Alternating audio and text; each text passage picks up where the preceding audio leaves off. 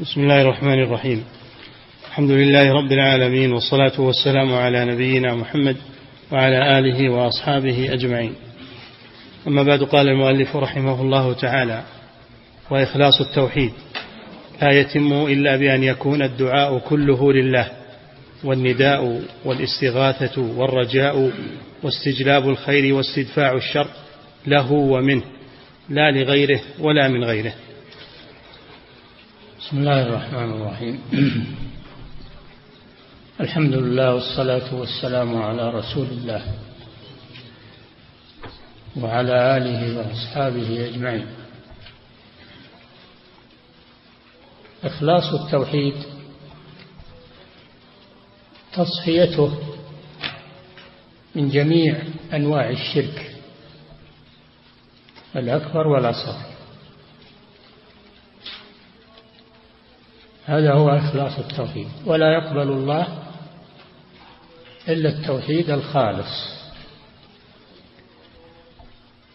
لا يقبل الله إلا التوحيد الخالص. أما التوحيد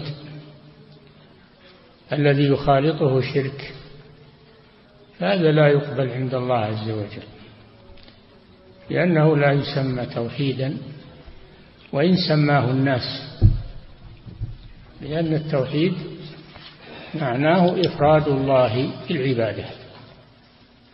إفراد الله بالعبادة بجميع أنواعها من الدعاء والخوف والرجاء والاستغاثة والاستعانة والتوكل وكل أنواع العبادة وهي كثيرة. لا بد أن تكون كلها خالصة لله. أما أن يخص الله ببعضها ويشرك في بعضها كان يدعو المخلوقين من الأحياء والأموات في أموره فالأحياء لا يدعون إلا بما يستطيعونه. وأما ما لا يستطيعونه فلا يدعون به. والأموات لا يدعون أبدا لا بشيء أبدا لأنهم لا يستطيعون. فقيد ما يستطيعه العباد في الدعاء والاستغاثة هذا إنما هو في الأحياء. وأما الأموات فلا يدعون مطلقا ولا يستغاث بهم مطلقا لأنهم لا يقدرون على شيء. إن تدعوهم لا يسمعوا دعاءكم. ولو سمعوا ما استجابوا لكم لأنهم لا يقدرون. ويوم القيامة يكفرون بشرككم ينكرون. ينكرون دعاءهم دعاءكم لهم. وينكرون كل ما وجهتموه إليهم لأنهم لأنهم لا يقدرون على شيء. إذا مات الإنسان انقطع عمله لا يقدرون على شيء. يوم القيامة ينكرون وينفون عبادة من أشرك بهم.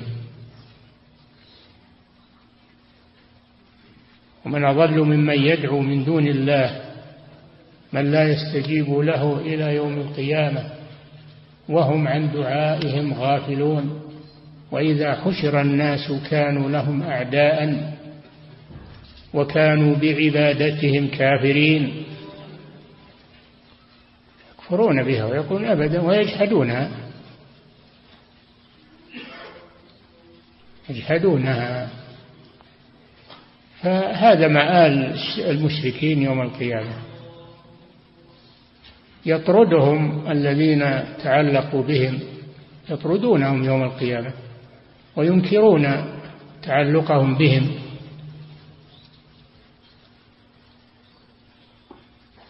فكيف بعاقل أن يقدم على دعاء غير الله والاستغاثة بغير الله من الأموات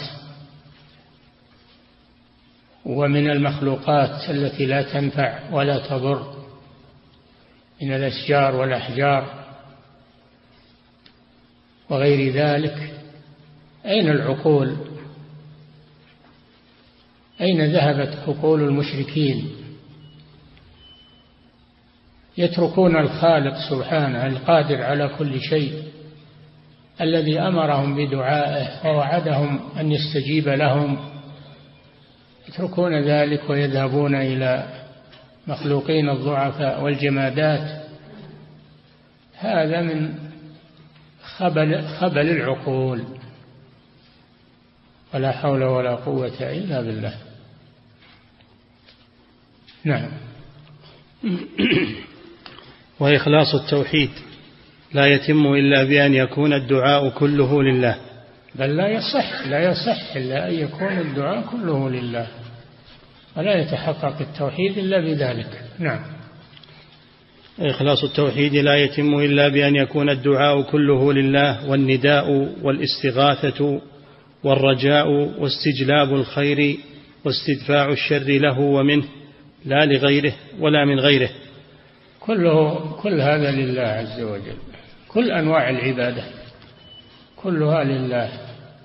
لا يستحقها أحد غيره من المخلوقين. نعم. فلا تدعوا مع الله أحدا. قال تعالى وأن المساجد لله فلا تدعوا مع الله أحد. الذي يدعو الله ويدعو معه أحدا هذا مشرك. ولا ينفعه دعاؤه لله. وكذلك كل أنواع القربات والطاعات إذا لم تكن خالصة لله فإنها لا تنفع صاحبها بل تضره. نعم. له دعوة الحق والذين يدعون من دونه لا يستجيبون لهم بشيء. له أي لله عز وجل له دعوة الحق الدعاء الحق والصحيح والنافع هو دعاء الله سبحانه وتعالى. والذين يدعون من دونه من الأصنام والأشجار والأحجار والقبور لا يستجيبون لهم بشيء إلا كباسط كفيه إلى الماء ليبلغ فاه وما هو ببالغه. وما دعاء الكافرين إلا في ضلال. وما دعاء الكافرين إلا في ضلال وخطأ وهلاك. وإن أتعبوا أنفسهم في ذلك فإنه لا ينفعهم لأنهم يدعون من لا يقدر ولا يضر ولا ينفع ولا يستجيب. نعم. وعلى الله فليتوكل المؤمنون. وعلى الله فليتوكل. هذا حصر. الأصل يتوكل المؤمنون على الله. لكنه قدم المعمول وهو على الله على العامل وهو يتوكل المتوكلون. لإفادة الحصر أي لا يتوكل على غير الله. من توكل على غير الله فهو مشرك. نعم. وعلى الله فتوكلوا إن كنتم مؤمنين. إن كنتم مؤمنين. فدل على أن الذي يتوكل على غير الله ليس مؤمنا. نعم. وقد تقرر أن شرك المشركين الذين بعث الله إليهم خاتم رسله صلى الله عليه وسلم لم يكن إلا باعتقادهم أن الأنداد التي اتخذوها تنفعهم وتضرهم وتقربهم إلى الله وتشفع لهم عنده مع اعترافهم بأن الله سبحانه هو خالقها وخالقهم ورازقها ورازقهم ومحييها ومحييهم ومميتها ومميتهم. نعم. المشركون الأولون الذين بعث إليهم رسول الله صلى الله عليه وسلم يدعون الأصنام والأحجار والأشجار والشمس والقمر والملائكة والصالحين يدعونهم ويقولون نحن نعلم أنهم لا يقدرون على النفع والضر. وإنما الذي يقدر على هذا هو الله. ولكننا نتخذهم وسائط بيننا وبين الله ليقربونا إليه. والذين اتخذوا من دونه أولياء ما نعبدهم إلا ليقربونا إلى الله زلفى. هذا قصدهم. ويعبدون من دون الله ما لا يضرهم ولا ينفعهم. ويقولون هؤلاء شفعاؤنا عند الله يشفعون لهم عند الله. وإلا ما اعتقدوا أنهم يخلقون ويرزقون ويدبرون الأمر. هذا يعترفون أنه لله عز وجل. وإنما أشركوهم في العبادة فعبدوهم مع الله بقصد أن يشفعوا لهم عند الله وأن يقربوهم إلى الله زلفى. وهذا هو الشرك الأكبر الذي أنكره الله عليهم. نعم. وقد تقرر أن شرك المشركين الذين بعث الله إليهم خاتم رسله صلى الله عليه وسلم لم يكن إلا باعتقادهم أن الأنداد التي اتخذوها تنفعهم وتضرهم وتقربهم إلى الله وتشفع لهم عنده مع اعترافهم بأن الله سبحانه انتبه مع اعترافهم. نعم. مع اعترافهم بأن الله سبحانه هو خالقها وخالقهم. وراز نعم. ولئن سألتهم من خلق السماوات والأرض ليقولن خلقهن العزيز العليم. ولئن سألتهم من خلقهم ليقولن الله. قل من رب السماوات السبع ورب العرش العظيم؟ سيقولون لله. قل من يرزقكم من السماء والأرض أما يدبر الأمر؟ قل من يرزقكم من السماء والأرض أمن أمن يملك السمع والأبصار ومن يخرج الحي من الميت ومن يدبر الأمر؟ فسيقولون الله. مع أنهم يشركون معه غيره ممن لا يقدر على هذه الأشياء. وهم يعترفون أن هذه خاصة بالله عز وجل. فكيف يسوون هذه هذه المخلوقات العاجزة مع الله سبحانه وتعالى في العبادة؟ هذا من إقامة الحجة عليهم. نعم. مع اعترافهم بأن الله سبحانه هو خالقها وخالقهم ورازقها ورازقهم. إن الله هو الرزاق. هو الرزاق ذو القوة المتين. الرزق من الله عز وجل. هي لا تخلق ولا ترزق. نعم. ومحييها ومحييهم ومميتها ومميتهم. وأن الله يحيي هذه المخلوقات ويميتها فهي مدبرة لله. نعم. ما نعبدهم إلا ليقربونا إلى الله زلفى. هذا قصدهم. أنهم يعترفون أن بتوحيد الربوبية ولكنهم يشركون في توحيد الألوهية ويقولون نقصد الشفاعة ونقصد التوسل بالمخلوقين والمخلوقات إلى الله عز وجل والله لم يشرع هذا. شرعوا من الدين ما لم يأذن به الله. الله أمر بدعائه وحده. وعبادته وحده ونهى عن عبادة غيره في في كثير من الآيات القرآنية.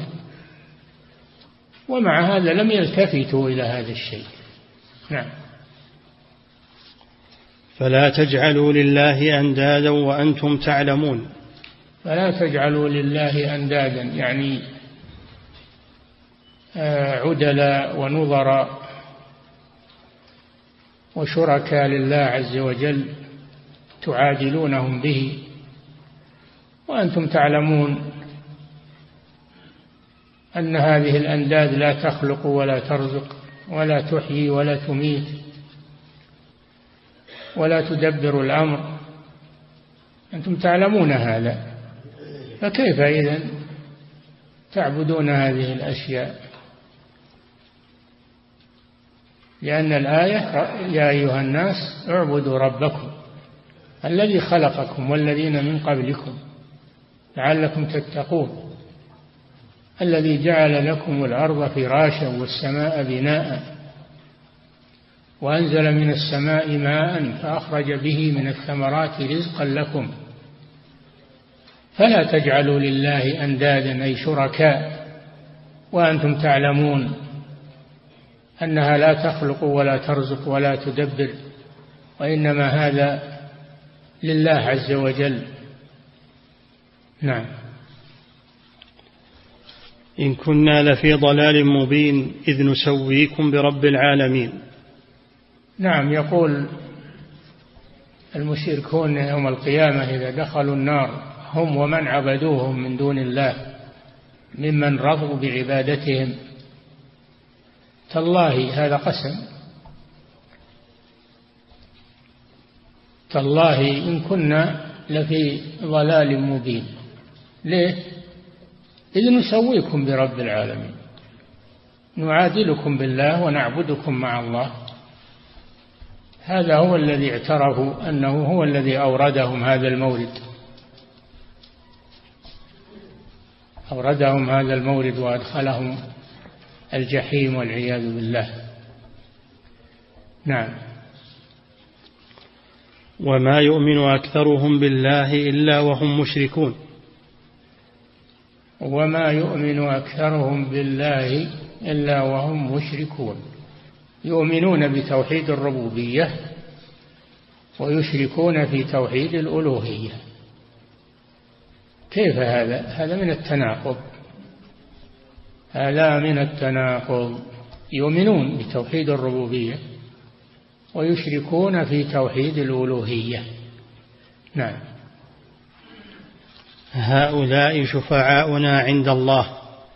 يعبدون من دون الله ما لا يضرهم ولا ينفعهم ويقولون هؤلاء شفعاؤنا عند الله. قل أتنبئون الله بما لا يعلم في السماوات ولا في الأرض؟ سبحانه وتعالى عما يشركون فسماهم مشركين مع أنهم يقولون هؤلاء شفعاؤنا عند الله. نعم. وكانوا يقولون في تلبيتهم لبيك لا شريك لك إلا شريكا هو لك تملكه وما ملك. كان المشركون يحجون ويعتمرون. على ما بقي من دين إبراهيم عليه السلام. يحجون ويعتمرون. ويقولون في التلبية لبيك لا شريك لك. ثم يقولون إلا شريكا هو لك. تملكه وما ملك. سبحان الله. إذا كان يملكه وما ملك فكيف يكون شريكا لله؟ المالك لكل شيء. هذا من التناقض. وقصدهم بذلك هذه المعبودات أنها ملك لله وإنما اتخذوها وسائط بينهم وبين الله بزعمهم وشفع بينهم وبين الله. رد الله عليهم بقوله ضرب لكم مثلا من أنفسكم هل لكم مما ملكت أيمانكم من شركاء فيما رزقناكم فأنتم فيه سواء تخافونهم كخيفتكم أنفسكم. تقولون لا شريك لك إلا شريكا هو لك تملكه وما ملك. تجعلون لله شركاء من مماليكه وعبيده. وأنتم لا ترضون هذا أن يشارككم عبيدكم وشر ولا ترضون أن يشارككم عبيدكم ومماليككم. لا ترضون أن يشاركونكم في أموالكم. فهذا من العجب. والنبي صلى الله عليه وسلم خالفهم في التلبية. وقال لبيك لا شريك لك. لا شريك لك. لبيك إن الحمد والنعمة لك والملك لا شريك لك. فنفى الشركاء لله عز وجل في التلبية. نعم. وإذا تقرر هذا فلا شك فلا شك أن من اعتقد في ميت من الأموات أو حي تقرر هذا الذي سبق أنهم يعبدون المعبودات وهم يعترفون أنها ليس لها من الأمر شيء وأنها لا تملك شيئا. وأنها لا تضر ولا تنفع. إذا تقرر لك هذا نعم. وإذا تقرر هذا فلا شك أن من اعتقد في ميت من الأموات أو حي من الأحياء أنه يضره أو ينفعه إما استقلالا أو مع الله تعالى أو ناداه أو توجه إليه أو استغاث به في أمر من الأمور. التي لا يقدر عليها المخلوق فلم يخلص التوحيد لله ولا أفرده بالعبادة. نعم. إذا إذا فعل هذا مع اعترافه بأن الله هو الخالق الرازق المدبر لا شريك له في ربوبيته فلماذا يشرك معه في ألوهيته؟ فيعبد معه غيره. بحجة أنه واسطة بينه وبين الله أو أنه يشفع له عند الله أو ما أشبه ذلك أو التقليد لآبائهم وأجدادهم من غير روية من غير تفكير. هؤلاء لم يخلصوا التوحيد لله عز وجل. لم يخلصوا التوحيد لله عز وجل. وإنما خلطوه بالشرك. لم يخلصوا التوحيد يعني العبادة. لم يخلصوا التوحيد يعني لم يخلصوا العبادة. بل خلطوها بالشرك. نعم. وإذا تقرر هذا فلا شك أن من اعتقد في ميت من الأموات أو حي من الأحياء أنه يضره أو ينفعه إما استقلالا أو مع الله تعالى أو ناداه أو توجه إليه أو استغاث به. في أمر من الأمور التي لا يقدر عليها المخلوق فلم يخلص التوحيد لله ولا أفرده بالعبادة إذ الدعاء بطلب وصول الخير إليه ودفع الضر عنه هو نوع من أنواع العبادة. نعم الذي يدعو أحدا أن يدفع عنه الضرر أو أن يجلب له الخير من دون الله هذا مشرك. لأنه لا يملك النفع والضر إلا الله سبحانه. وإذا قدر أن مخلوقا نفعك بشيء فإنما هو سبب فقط. الله هو الذي أجرى على يده هذا الشيء. الله هو الذي أجرى هذا على يد المخلوق الذي نفعك بشيء. لا أنه مستقل بهذا. نعم. ولا فرق بين أن يكون هذا المدعو من دون الله أو معه حجرا أو شجرا أو ملكا أو شيطانا كما كان يفعل ذلك في الجاهلية وبين أن يكون إنسانا من الأحياء أو الأموات كما يفعله الآن كثير من المسلمين. آه، المشركون في في هذه الأمة مشركون في هذه الأمة. هم من هذا النوع. يعبدون غير الله. وإذا قيل لهم هذا شرك قالوا لا الشرك عبادة الأصنام ونحن لا نعبد أصناما. نحن نعبد الملائكة نعبد الأنبياء نعبد الصالحين نعبد الأشجار والأحجار وهي ليست عاصية لله عز وجل. كيف تخلطوننا مع المشركين؟ نقول الشرك هو عبادة غير الله ودعاء غير الله سواء كان هذا الغير صنما أو غير صنم. لا فرق في ذلك. والذين بعث إليهم رسول الله صلى الله عليه وسلم لم يكونوا مقتصرين على عبادة الأصنام بل هم متفرقون في عباداتهم فمنهم من يعبد الأصنام ومنهم من يعبد الأشجار والأحجار ومنهم من يعبد الملائكة ومنهم من يعبد الأولياء والصالحين. فلم والنبي صلى الله عليه وسلم لم يفرق بينهم كما فرقتم. لم يفرق بينهم قاتلهم جميعا. ولم يفرق بينهم. فالشرك هو عبادة غير الله أيا كان هذا الغير. صنم أو غير صنم؟ نعم. ولا فرق بين أن يكون هذا المدعو من دون الله أو معه حجرا أو شجرا أو ملكا أو شيطانا كما كان يفعل ذلك في الجاهلية. وبين أن يكون إنسانا من الأحياء أو الأموات كما يفعله الآن كثير من المسلمين. وكل قوله كثير من المسلمين هذا فيه تجاوز وإلا الذي يفعل هذا ليس من المسلمين. لكن ينتسبون إلى الإسلام.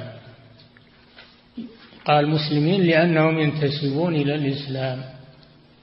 وإلا من فعل هذا فقد خرج من الإسلام. نعم. وكل عالم يعلم هذا ويقر به فإن العلة واحدة. كل عالم من العلماء المحققين يعرف هذا أنه لا فرق بين المعبودات سواء كانت أصناما أو غيرها. إنما يفرق بينها علماء الضلال. في من العلماء علماء ضلال أهلكوا الناس بهذا الشيء. لكن العالم الحقيقي يعترف بأنه لا فرق. بين هذه المعبودات ولم يفرق بين أصحابها رسول الله صلى الله عليه وسلم. يقتصر على قتال عبدة الأصنام بل قاتل الذين يعبدون الملائكة والشمس والقمر ويعبدون من دون الله ويعبدون الأولياء والصالحين. نعم. يعبدون الذين يعبدون المسيح لم يفرق بينهم. نعم. وكل عالم يعلم هذا ويقر. الله سبحانه وتعالى آه، إنما المشركون يا أيها الذين آمنوا إنما المشركون نجس فلا يقربوا المسجد الحرام. وهذا عموم لجميع المشركين لم يفرق بينهم سبحانه وتعالى. لم يقل المشركون الذين يعبدون الأصنام. لم يقل آه، فرقوا بين من يعبد الأصنام ومن يعبد الملائكة أو الأنبياء أو غيرهم. نعم. وكل عالم يعلم هذا ويقر به فإن العلة واحدة وعبادة غير الله تعالى وتشريك غيره معه يكون للحيوان كما يكون للجماد. وللحي كما يكون للميت. يعني يكون للمخلوق للحيوان يعني الأحياء. أو بالحيوان اللي هي الدواب البهائم لا الحيوان مراد به من فيه حياة. كل من فيه حياة تدب فيه الحياة يسمى حيوان. أو جمادات وهي الأصنام والحجارة. نعم. يكون للحيوان كما يكون للجماد وللحي كما يكون للميت. فمن زعم الحي كما يكون للميت. كله شرك. نعم. فمن زعم أن ثم فرقا بين من اعتقد في وثن من الأوثان أنه يضر أو ينفع وبين من اعتقد في ميت من بني آدم أو حي منهم أنه يضر أو ينفع أو يقدر على أمر لا يقدر عليه إلا الله سبحانه وتعالى هو دعاء غير الله في الأشياء التي تختص به. نعم العلماء المحققون لا يفرقون بين من عبد الأصنام وعبد الأولياء والصالحين. كله شرك بالله عز وجل. وإلا فماذا يقولون بالذين يعبدون المسيح؟ ويقولون إن الله ثالث ثلاثة المسيح ابن الله ويعبدونه مع الله أو يقولون هو الله المسيح هو الله هل يقولون هؤلاء موحدون لأنهم عبدوا نبيا من الأنبياء؟ ما أحد يقول هذا إلا من أعمى الله بصيرته. نعم.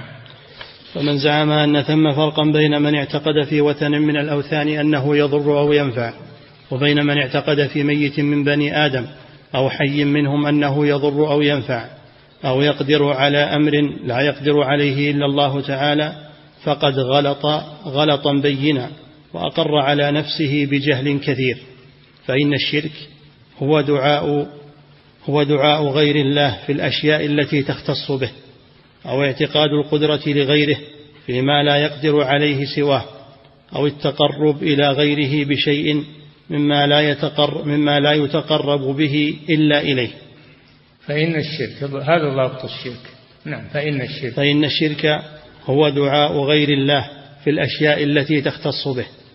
تختص بالله يعني. نعم. أو اعتقاد القدرة لغيره فيما لا يقدر عليه سواه. نعم. كالخلق والرزق والإحياء والإماتة. نعم.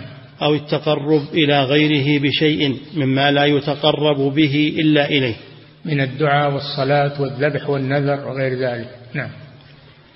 ومجرد تسمية المشركين لما جعلوه شريكا بالصنم والوثن والإله لغير الله زيادة على التسمية بالولي. زيادة على التسمية بالولي والقبر والمشهد كما يفعله كثير من المسلمين. كثير من المسلمين يعني المنتسبين إلى الإسلام. هذا مثل الكلام السابق أن أنه لا فرق بين عبادة الأصنام وعبادة غير الأصنام حتى من الملائكة والأنبياء والأولياء والصالحين لا فرق بين هذا. العبادة حق لله عز وجل. لا يجوز أن يشركه مع أن يشركه غيره فيها من خصائص الله عز وجل. نعم لا يستحقها أحد غير الله. نعم. بل الحكم واحد. إذا حصل لمن يعتقد في الولي والقبر ما كان يحصل لمن كان يعتقد في الصنم والوثن. العقيدة واحدة من كان يعتقد في الصنم ومن كان يعتقد في القبر.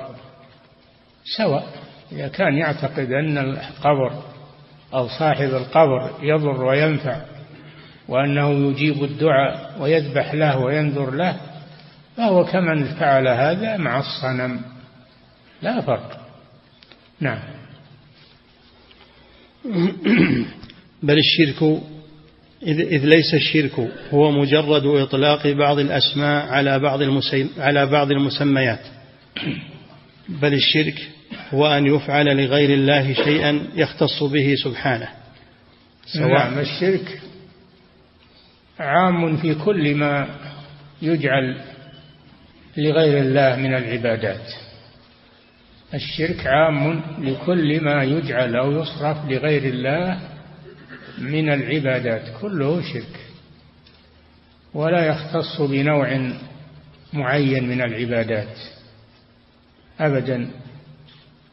كل أنواع العبادة لله عز وجل. ما يقال هذا هذا لله وهذا لغير الله. نعم. إذ ليس الشرك هو مجرد إطلاق بعض الأسماء على بعض المسميات. كان يقولون الشرك عبادة الأصنام. هذا تفسير قاصر. الشرك عبادة غير الله سواء كانت من الأصنام أو غير غير الأصنام. أما تفسير الشرك بأنه عبادة الأصنام فقط فهذا قصور. نعم وباطل. نعم.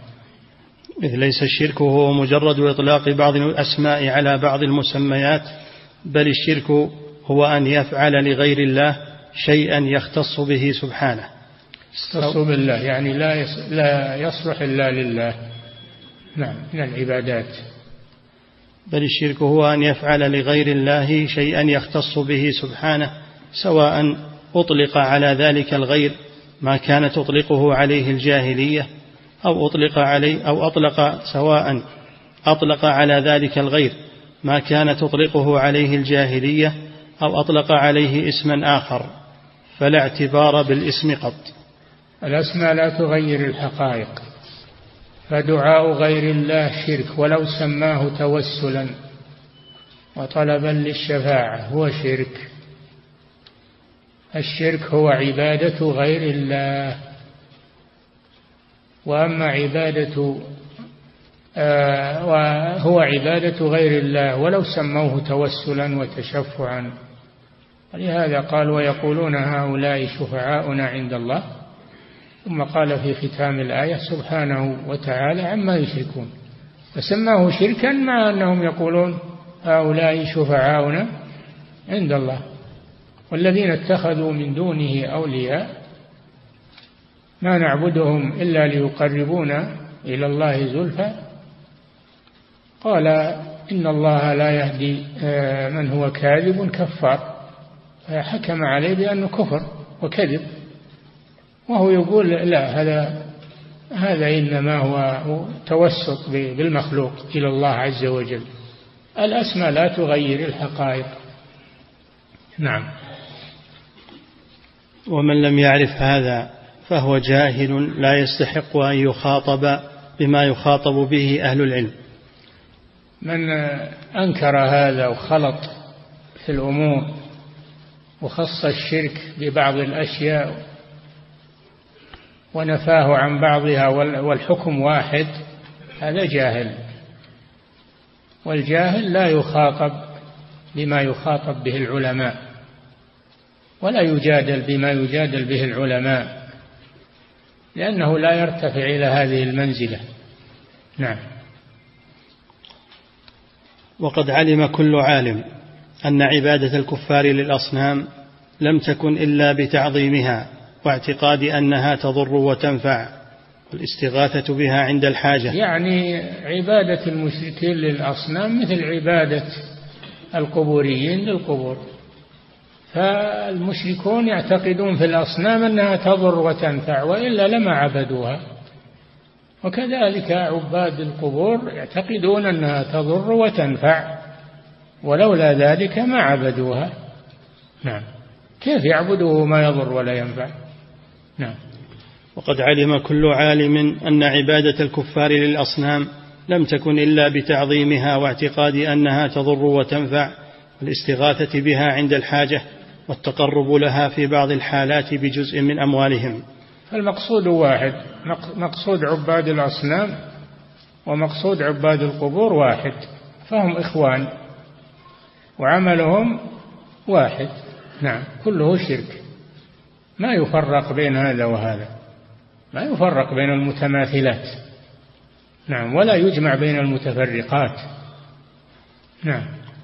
إن عبادة الكفار للأصنام لم تكن إلا بتعظيمها واعتقاد أنها تضر وتنفع والاستغاثة بها عند الحاجة والتقرب لها في بعض الحالات بجزء من أموالهم وهذا كله قد وقع من المعتقدين في القبور. نعم المشركون كانوا يقربون ويقدمون إلى إلى أصنامهم شيئا من الأموال شيئا من أموالهم. ويذبحون لها وينذرون لها وكذلك عباد القبور ينذرون لها ويقدمون لها تبرعات صناديق النذور عند عند الأضرحة ويجمعون فيها أموال تقربا إلى القبور مثل ما يفعل المشركون.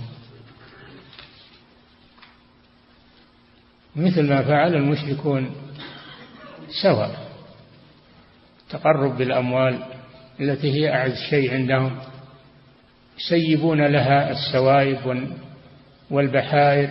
ما جعل الله من بحيرة ولا سائبة ولا وصيلة. هذه للأصنام. أنواع من الإبل يسيبونها للأصنام. يسيبونها للأصنام. نعم. وهذا كله قد وقع من المعتقدين في القبور.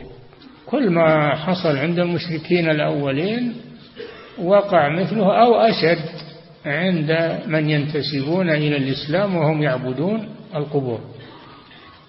حصل عندهم شيء أشد مما حصل من المشركين الأولين كما يأتي. نعم. وهذا كله قد وقع من المعتقدين في القبور فإنهم قد عظموها إلى حد لا يكون إلا لله سبحانه. نعم. بل ربما يترك العاصي منهم فعل المعصية إذا كان في مشهد من يعتقده أو قريبا منه مخافة تعجيل العقوبة من ذلك الميت. نعم. كانوا كان المشركون في هذه الأمة يعظمون القبور أكثر مما يعظمون الله عز وجل. فلا يفعلون المعاصي قريبا من القبور لأنهم يخافون أن الميت يضرهم وأن الولي يضرهم بينما أنهم يعصون الله عز وجل في حرمه وفي بيوته ولا يخافون الله سبحانه وتعالى. وإذا قيل لأحدهم احلف بالله يبادر بالحلف على شيء على خصومة أو على شيء من الأشياء. إذا قيل له احلف بمعبودك بالقبر الذي تعبده اضطرب وخاف وأبى أن يحلف.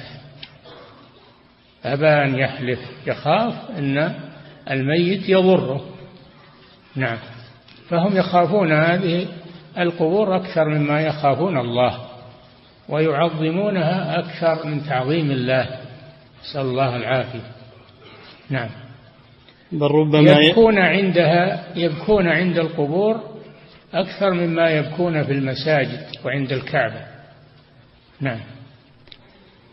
بل ربما يترك بل ربما يترك العاصي منهم فعل المعصية إذا كان في مشهد من يعتقده أو قريبا منه مخافة تعجيل العقوبة من ذلك الميت.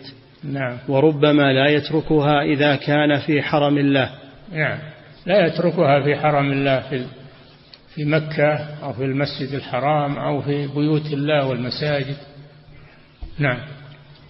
وربما لا يتركها إذا كان في حرم الله أو في مسجد من المساجد أو قريبا من ذلك.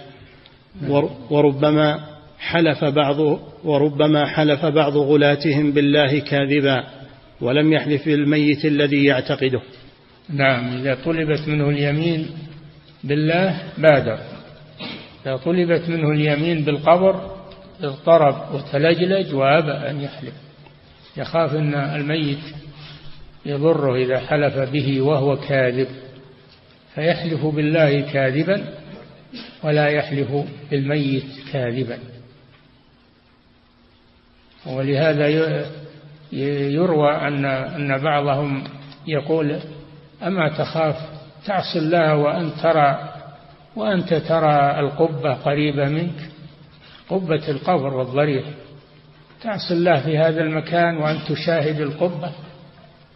يعني يعظمونها أكثر مما يعظمون الله عز وجل. نعم. وأما اعتقادهم أنها تضر وتنفع. فلولا اشتمال ضمائرهم على هذا الاعتقاد لم يدعو أحد لم يدعو أحد منهم ميتا أو حيا عند استجلابه لنفع أو أو استدفاعه لضر قائلا. نعم مما يدل على أنهم يعتقدون أنها تضر وتنفع. هم يقولون لا إحنا نعتقد إنها ما تضر ولا تنفع لكن نتخذهم وسائط وشفعاء لأنهم صالحون يتوسطون لنا. وإلا الضر والنفع بيد الله. يقول الشيخ لولا أن في قلوبهم يقولون هذا بألسنتهم لكن هم في قلوبهم يعتقدون أنها تضر وتنفع. ولولا أنهم يعتقدون ذلك لما عبدوها. نعم. وأما اعتقادهم أنها تضر وتنفع فلولا اشتمال ضمائرهم على هذا الاعتقاد لم يدعو أحد منهم ميتا أو حيا عند استجلابه لنفع أو استدفاعه لضر قائلا يا فلان افعل لي كذا وكذا وعلى الله وعليك وأنا بالله وبك. نعم. على الله عليك وأنا بالله وبك. الواو هذه لا تجوز لأن هذا تشريك بين الخالق والمخلوق. لأن الواو تقتضي التشريك. وأما ثم إذا قال أنا بالله ثم بك هذا لا بأس لأنه جعل المخلوق تابعا للخالق معطوفا عليه بثم. وأما بالواو هذا يقتضي التشريك. تقول جاء فلان وفلان يعني اشتركوا في المجيء. بينما تقول جاء فلان ثم فلان. يعني لم يشتركوا في المجيء. هذا بعد هذا. هذا من معاني الألفاظ اللغوية. نعم. وأما التقرب للأموات فانظر ماذا يجعلونه من النذور لهم وعلى قبورهم في كثير. انظر ماذا يفعلون من النذور للقبور. نحن ما شاهدناها والحمد لله ولكن الذين شاهدوها يرون العجب العجاب عند البدوي وعند غيره. يأتون بالأغنام والإبل ويأتون بالأموال والدراهم ويقيمون عندها أياما ويذبحون لها. شيء عجيب يعني. نعم. وأما التقرب للأموات فانظر ماذا يجعلونه من النذور لهم وعلى قبورهم في كثير من المحلات. نعم. ولو طلب الواحد منهم أن ولو طلب الواحد منهم أن يسمح بجزء من ذلك ولو, ولو طلب الواحد منهم أن يسمح بجزء من ذلك لله تعالى لم يفعل. لو طلب منه أن يتصدق على الفقراء والمساكين لم يفعل. بينما لو طلب منه أن ينذر للقبر بالأموال الطائلة لبادر بذلك. نعم. هذا دليل على أنهم يعظمونها أكثر مما يعظمون الله. نعم. كما سبق أنه يحلف بالله كاذبا ولا يحلف بالصنم أو بالقبر كاذبا. يتحاشى من المعصية عند القبر ولا يتحاشى من المعصية عند الكعبة وفي المساجد. في حرم الله عز وجل. نعم. ولو طلب الواحد منهم أن يسمح بجزء من ذلك لله تعالى لم يفعل وهذا معلوم يعرفه من عرف أحوال هؤلاء. نعم. فإن قلت إن هؤلاء القبوريين يعتقدون أن الله تعالى هو الضار النافع والخير والشر بيده وإن استغاثوا بالأموات قصدوا إنجاز ما يطلبونه من الله سبحانه. خل هذا الدرس القادم إن شاء الله. نعم.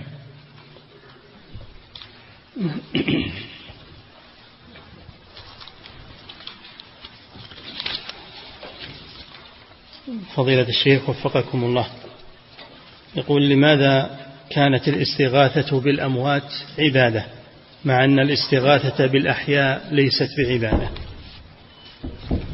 الأحياء يقدرون على الإغاثة إذا كان فيما في استطاعتهم أن يغيثوا من استغاث بهم. وأما الأموات فلا يستطيعون.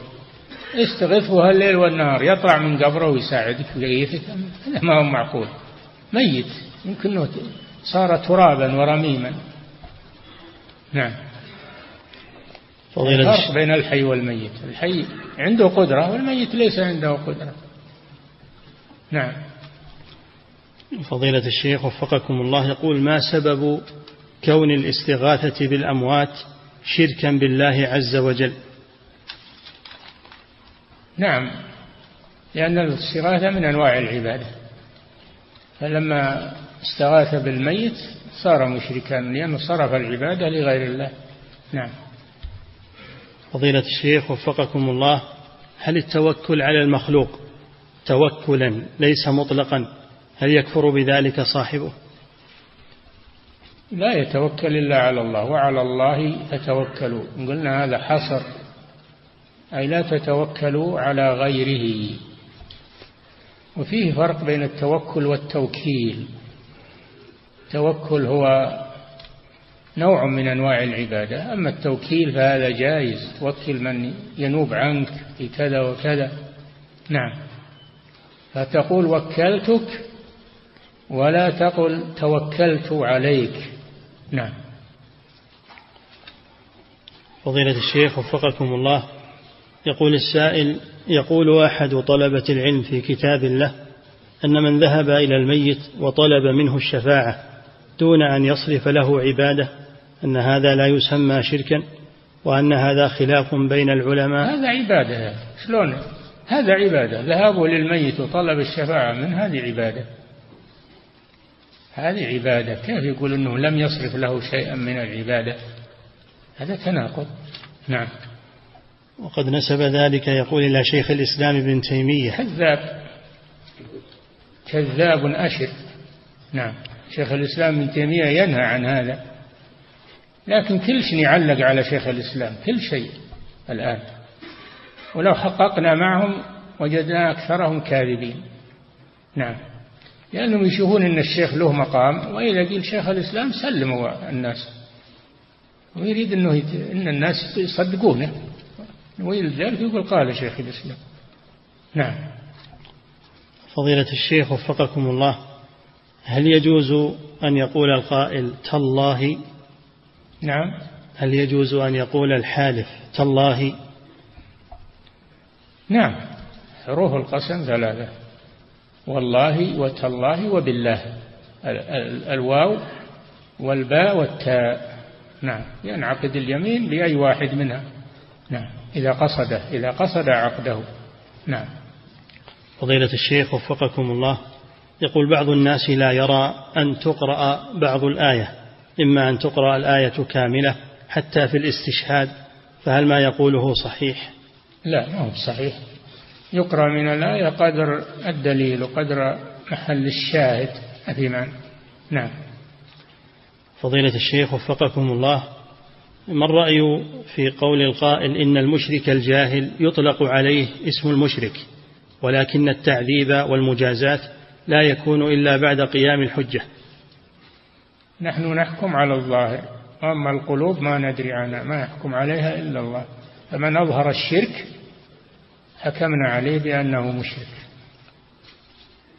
وأما في قلبه هذا إلى الله عز وجل هل تقول إن اللي يدعو غير الله إنه إنه مسلم؟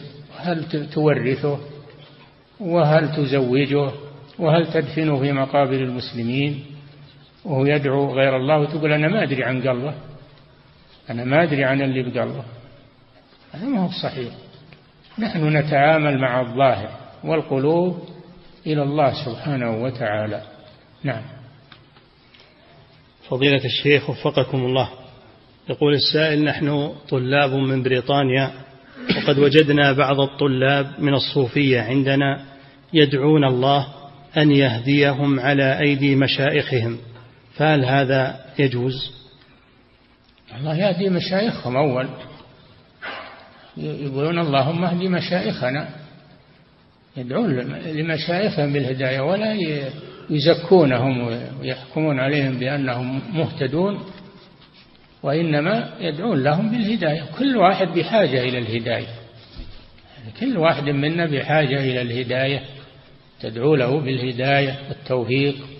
نعم.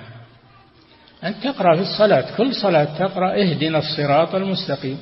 أجل ما تقرأ هذه الآية تقول أنا مهتدي. تطلب من الله الهداية يا أخي. ويثبتك عليها أيضا. كم من مهتد ارتد وظل.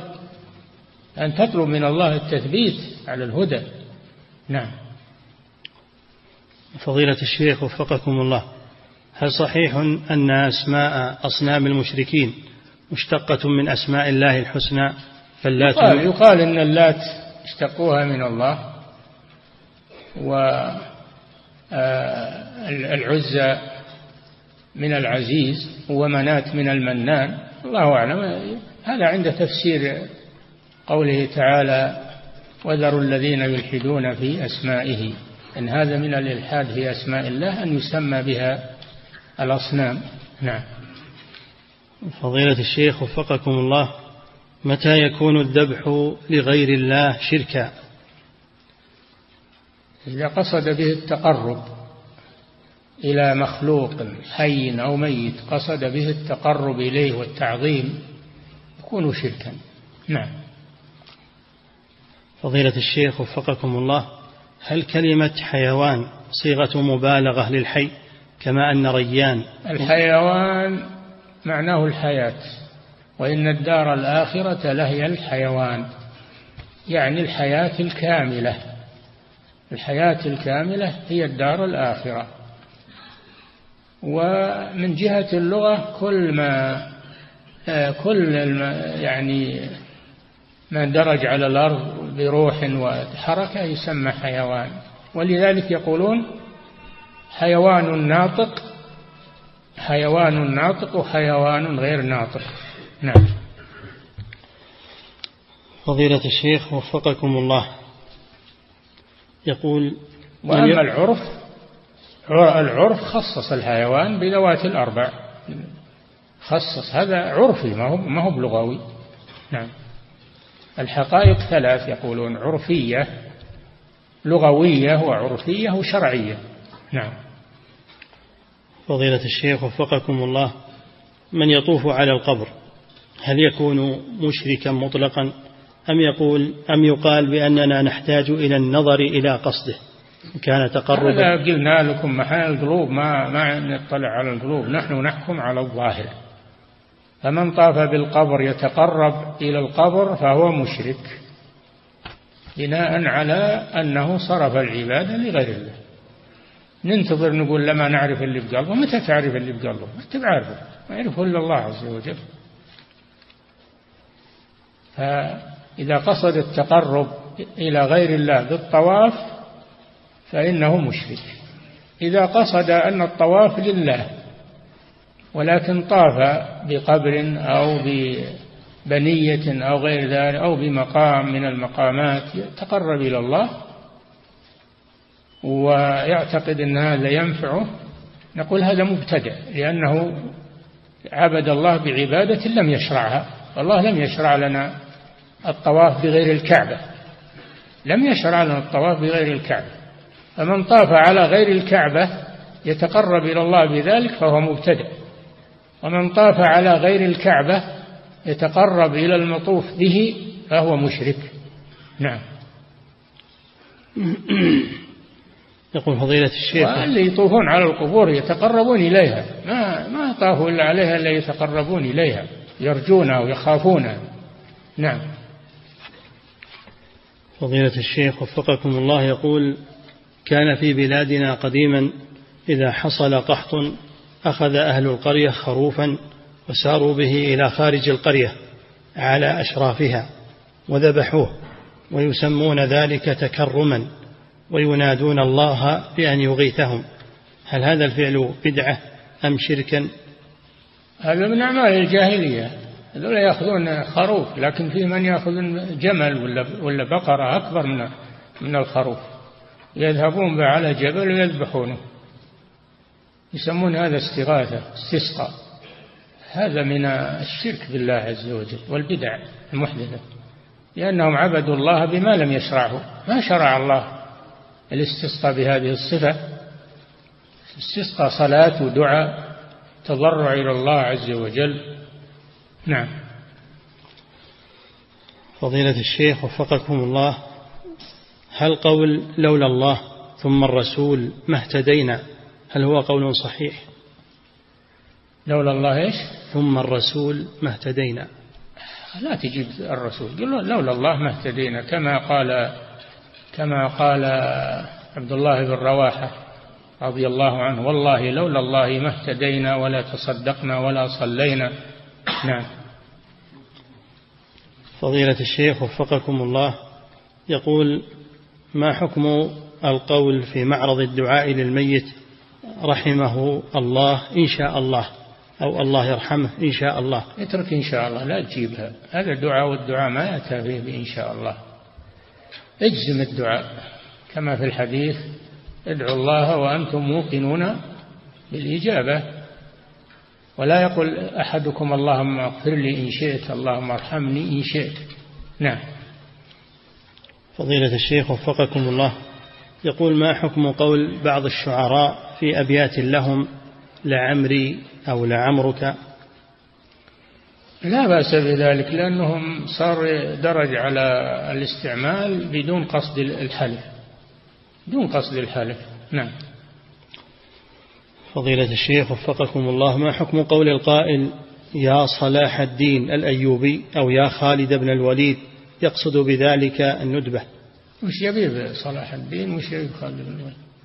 ها؟ وش قصده من هذا؟ يبيه يطلع يقاتل المشركين و... وأمريكا و... ما ما هو طالع ولا هم قاتلون أنت اللي قاتلهم. نعم. فضيلة الشيخ وفقكم الله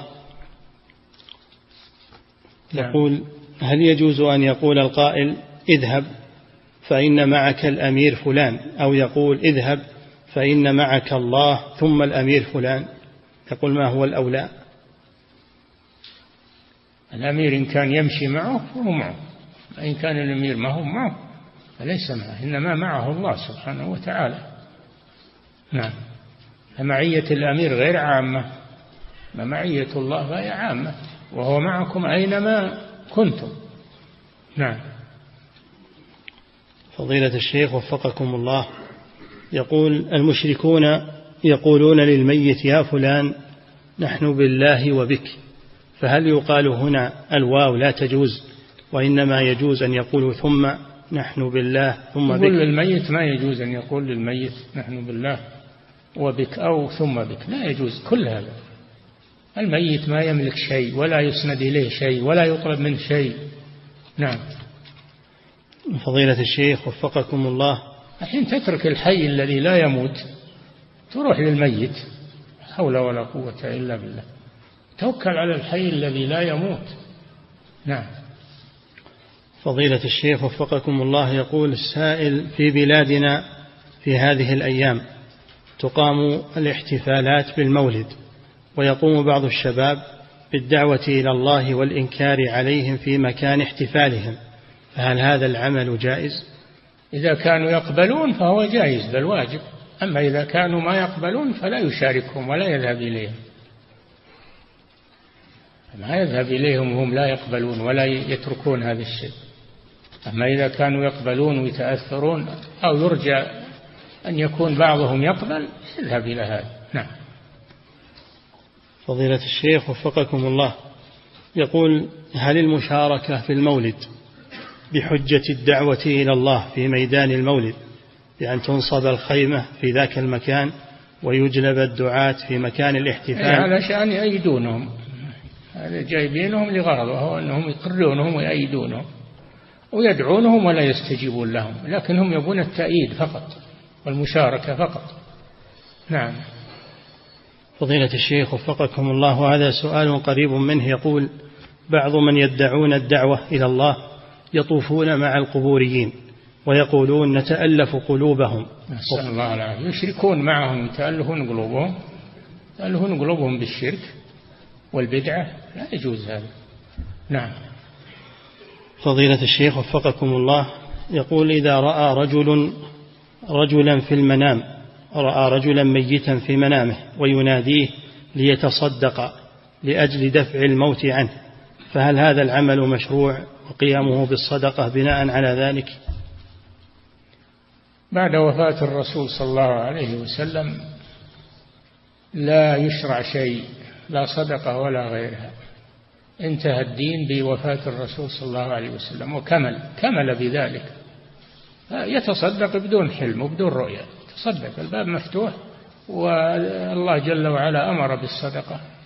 نعم. فضيلة الشيخ وفقكم الله. لو يجيك الميت يقول صل تصدق صل لا تطيعه ما يجوز هذا. ما في أمر إلا للرسول صلى الله عليه وسلم ولا يشرع شيء إلا بأمر الرسول صلى الله عليه وسلم. نعم. فضيلة الشيخ وفقكم الله يقول من الناس من يتعمد صنع المعروف. والإحسان للملهوف وذي الحاجة حتى يدعو الله له بل يطلب منه أن يدعو له في حوائج الدنيا والآخرة. فهل هذا العمل صحيح؟ هذا بيع وشراء. هذا بيع وشراء. يقول ما تصدق عليك ولا أعونك إلا تدعو لي. لا ما يصلح هذا. نعم. فضيلة الشيخ وفقكم الله يقول ما حكم الحلف بهذه الصيغة ورب الإيمان؟ لا يصلح هذا. ما ورد. ما ورد هذا. نعم. فضيلة الشيخ وفقكم الله يقول الاستغاثة بالأحياء جائزة. إذا كانوا يقدرون. إذا كانوا يقدرون جائزة. أما إذا كانوا لا يقدرون على ما يطلب منهم فهذا لا يجوز. نعم. هذا عبادة. نعم. الاستغاثة بالمخلوق فيما لا يقدر عليه إلا الله هذا عبادة. نعم. يقول وهل تخالف قول النبي صلى الله عليه وسلم وإذا استعنت فاستعن بالله؟ الاستعانة غير الاستغاثة. الاستغاثة هي آه، الاستعانة وقت الشدة. وأما الاستعانة فتكون في وقت الرخاء تستعين بأحد في وقت الرخاء. الاستغاثة أخص من الاستعانة. نعم. فضيلة الشيخ وفقكم الله. من يذبح للضيف ولا يقصد بذلك وجه الله. هل يعد فعله من الشرك؟ لا يعد مباحا يعد من المباحات. لا ثواب فيه ولا عقاب فيه. نعم. وحفظك الله يقول بعضهم يقول اذبح لفلان وفلان ما يستاهل هذه الذبيحة فهل هذا المقصد صحيح؟ يعني إنهم يعني يكرمه قصده يذبح له يعني يكرمه. وفلان لا تكرمه لأنه ما يستحق. نعم. فضيلة الشيخ وفقكم الله يقول ما حكم عيادة المريض الكافر إذا كان هذا الكافر يقول أخا أو أختا لي؟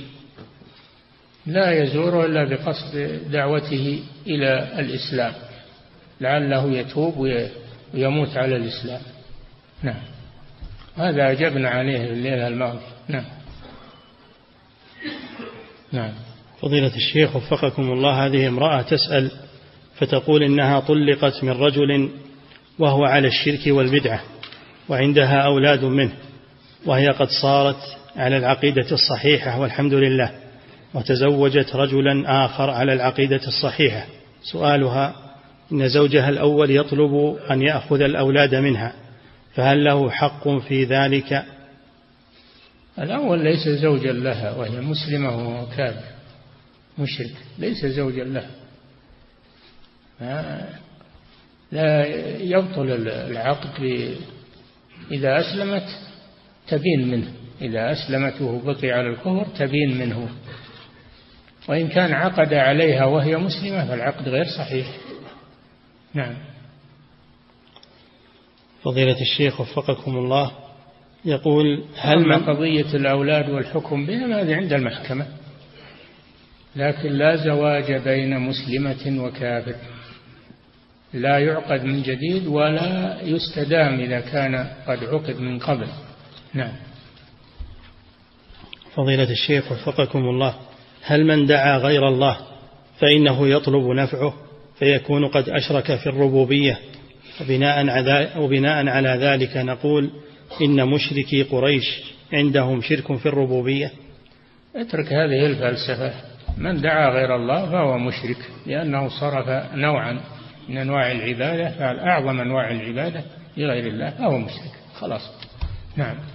فضيلة الشيخ وفقكم الله يقول ورد عن النبي صلى الله عليه وسلم حديثا فيما معناه من آوى محدثا فعليه لعنة الله. سؤاله يقول عائلة محتاجة إلى خادمة. إلى؟ عائلة محتاجة إلى خادمة. فقامت بإيواء خادمة هاربة من كفيلها. لتقوم بخدمتهم براتب محدد. هل يدخل هذا الفعل تحت هذا النص من آوى محدثا؟ لا المحدث المرتد أو الذي عليه حد من الحدود. يقام عليه حد ودفع الناس عنه وإقامة الحد عليه. لعن الله من آوى محدثا. لعن الله من آوى محدثا. أي عليه حد من حدود الله أو مرتد. فيمنع إقامة الحد عليه. نعم. وأما قضية الهاربة هذه مسألة نظامية يرجع فيها إلى النظام نظام الاستقدام. نعم. فضيلة الشيخ وفقكم الله يقول شخص استأجر محلا تجاريا من المالك فاشترط نعم. عليه شخص استأجر محلا تجاريا فاشترط عليه المالك أنه إذا أراد المستأجر أن يقبل محله ويعطيه لشخص آخر فإنه يأخذ من مبلغ التقبيل عشرة بالمئة فوافق فهل يجوز مثل هذا الشرط إذا تمت مدة المستاجر فليس له حق في المكان. ياخذ قشه ويمشي إلا إن استاجره مدة ثانية. ولا يقبل ولا شيء انتهت مدته. أما إذا كان باقي له مدة له يأجرها يأجر بقية مدته. وإذا تمت ما ما له شيء خلاص. نعم. فضيلة الشيخ وفقكم الله. يقول ما الفرق بين البلاء والابتلاء؟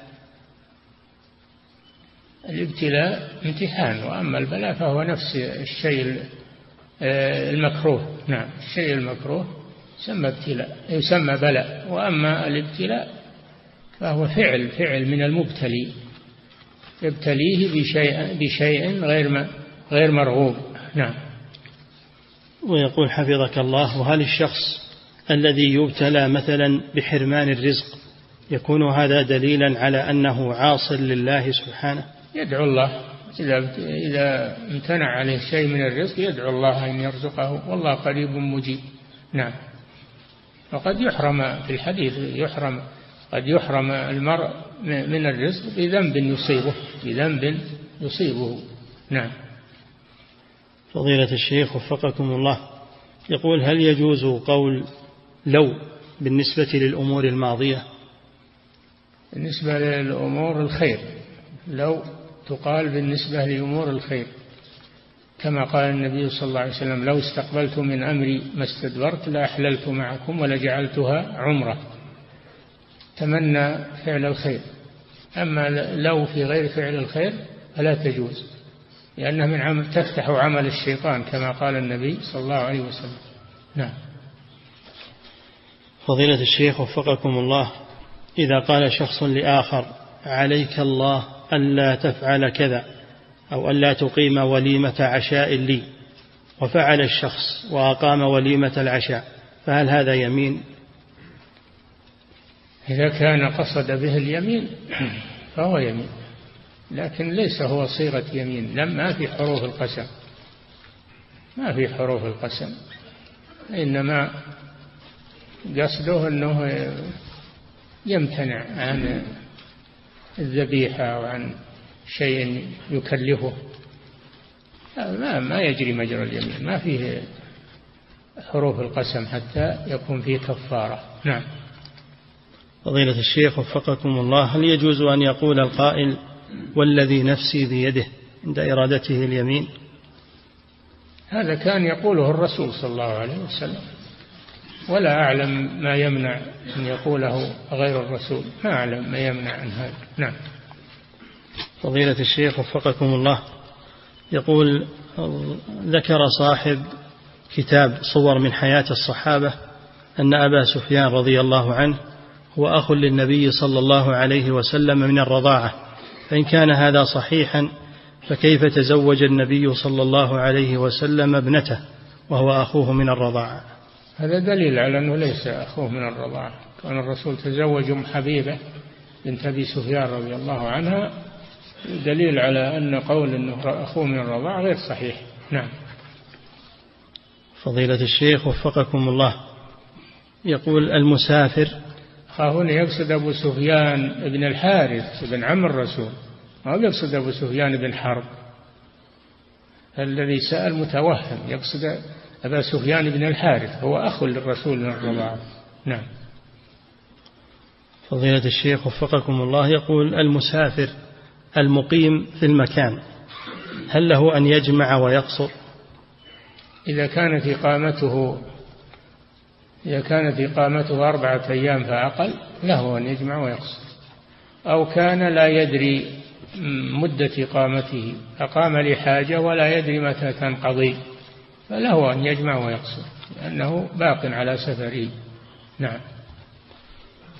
فضيلة الشيخ وفقكم الله يقول رجل دخل المسجد وهو لم يصلي المغرب بعد ووجد الإمام يصلي العشاء فدخل معه بنية المغرب وعندما قام الإمام للرابعة جلس وتشهد وسلم ثم دخل مع الإمام في الركعة الرابعة على أنها العشاء.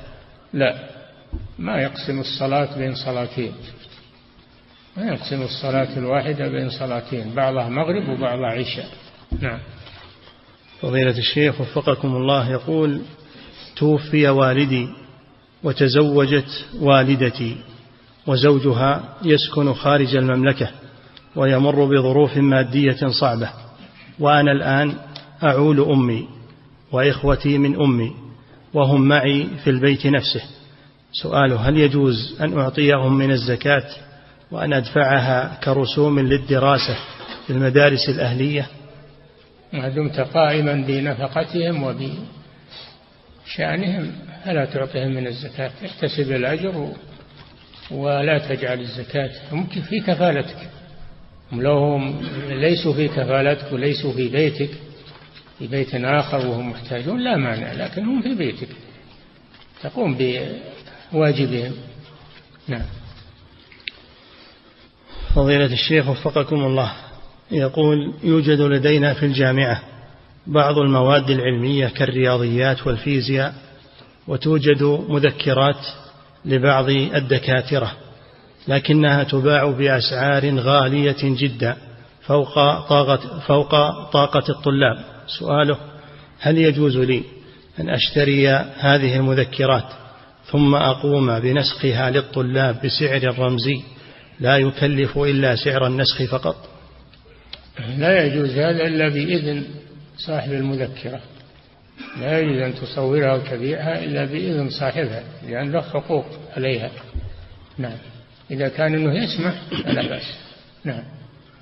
فضيلة الشيخ وفقكم الله يقول هل في قوله سبحانه وتعالى ويل لكل همزة لمزة؟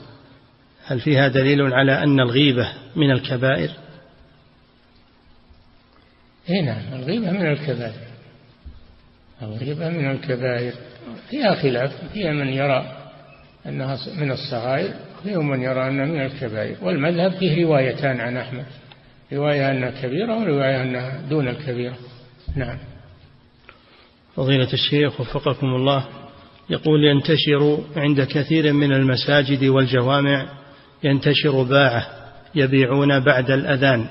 هل يجوز أن ننكر عليهم وأن ندعوهم إلى الدخول للمسجد وترك البيع؟ إي نعم. إذا كان البيع بيفوت عليهم الصلاة أو بعضها ينكر عليهم. نعم.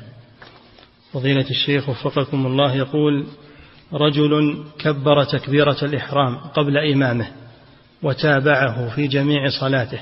فما حكم صلاته تلك؟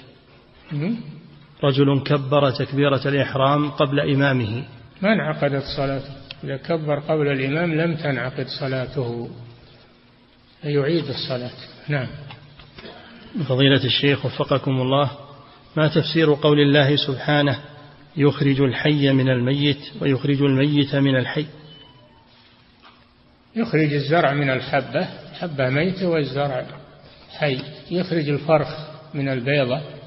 البيضة ميتة والفرخ حي. ويخرج الميت من الحي.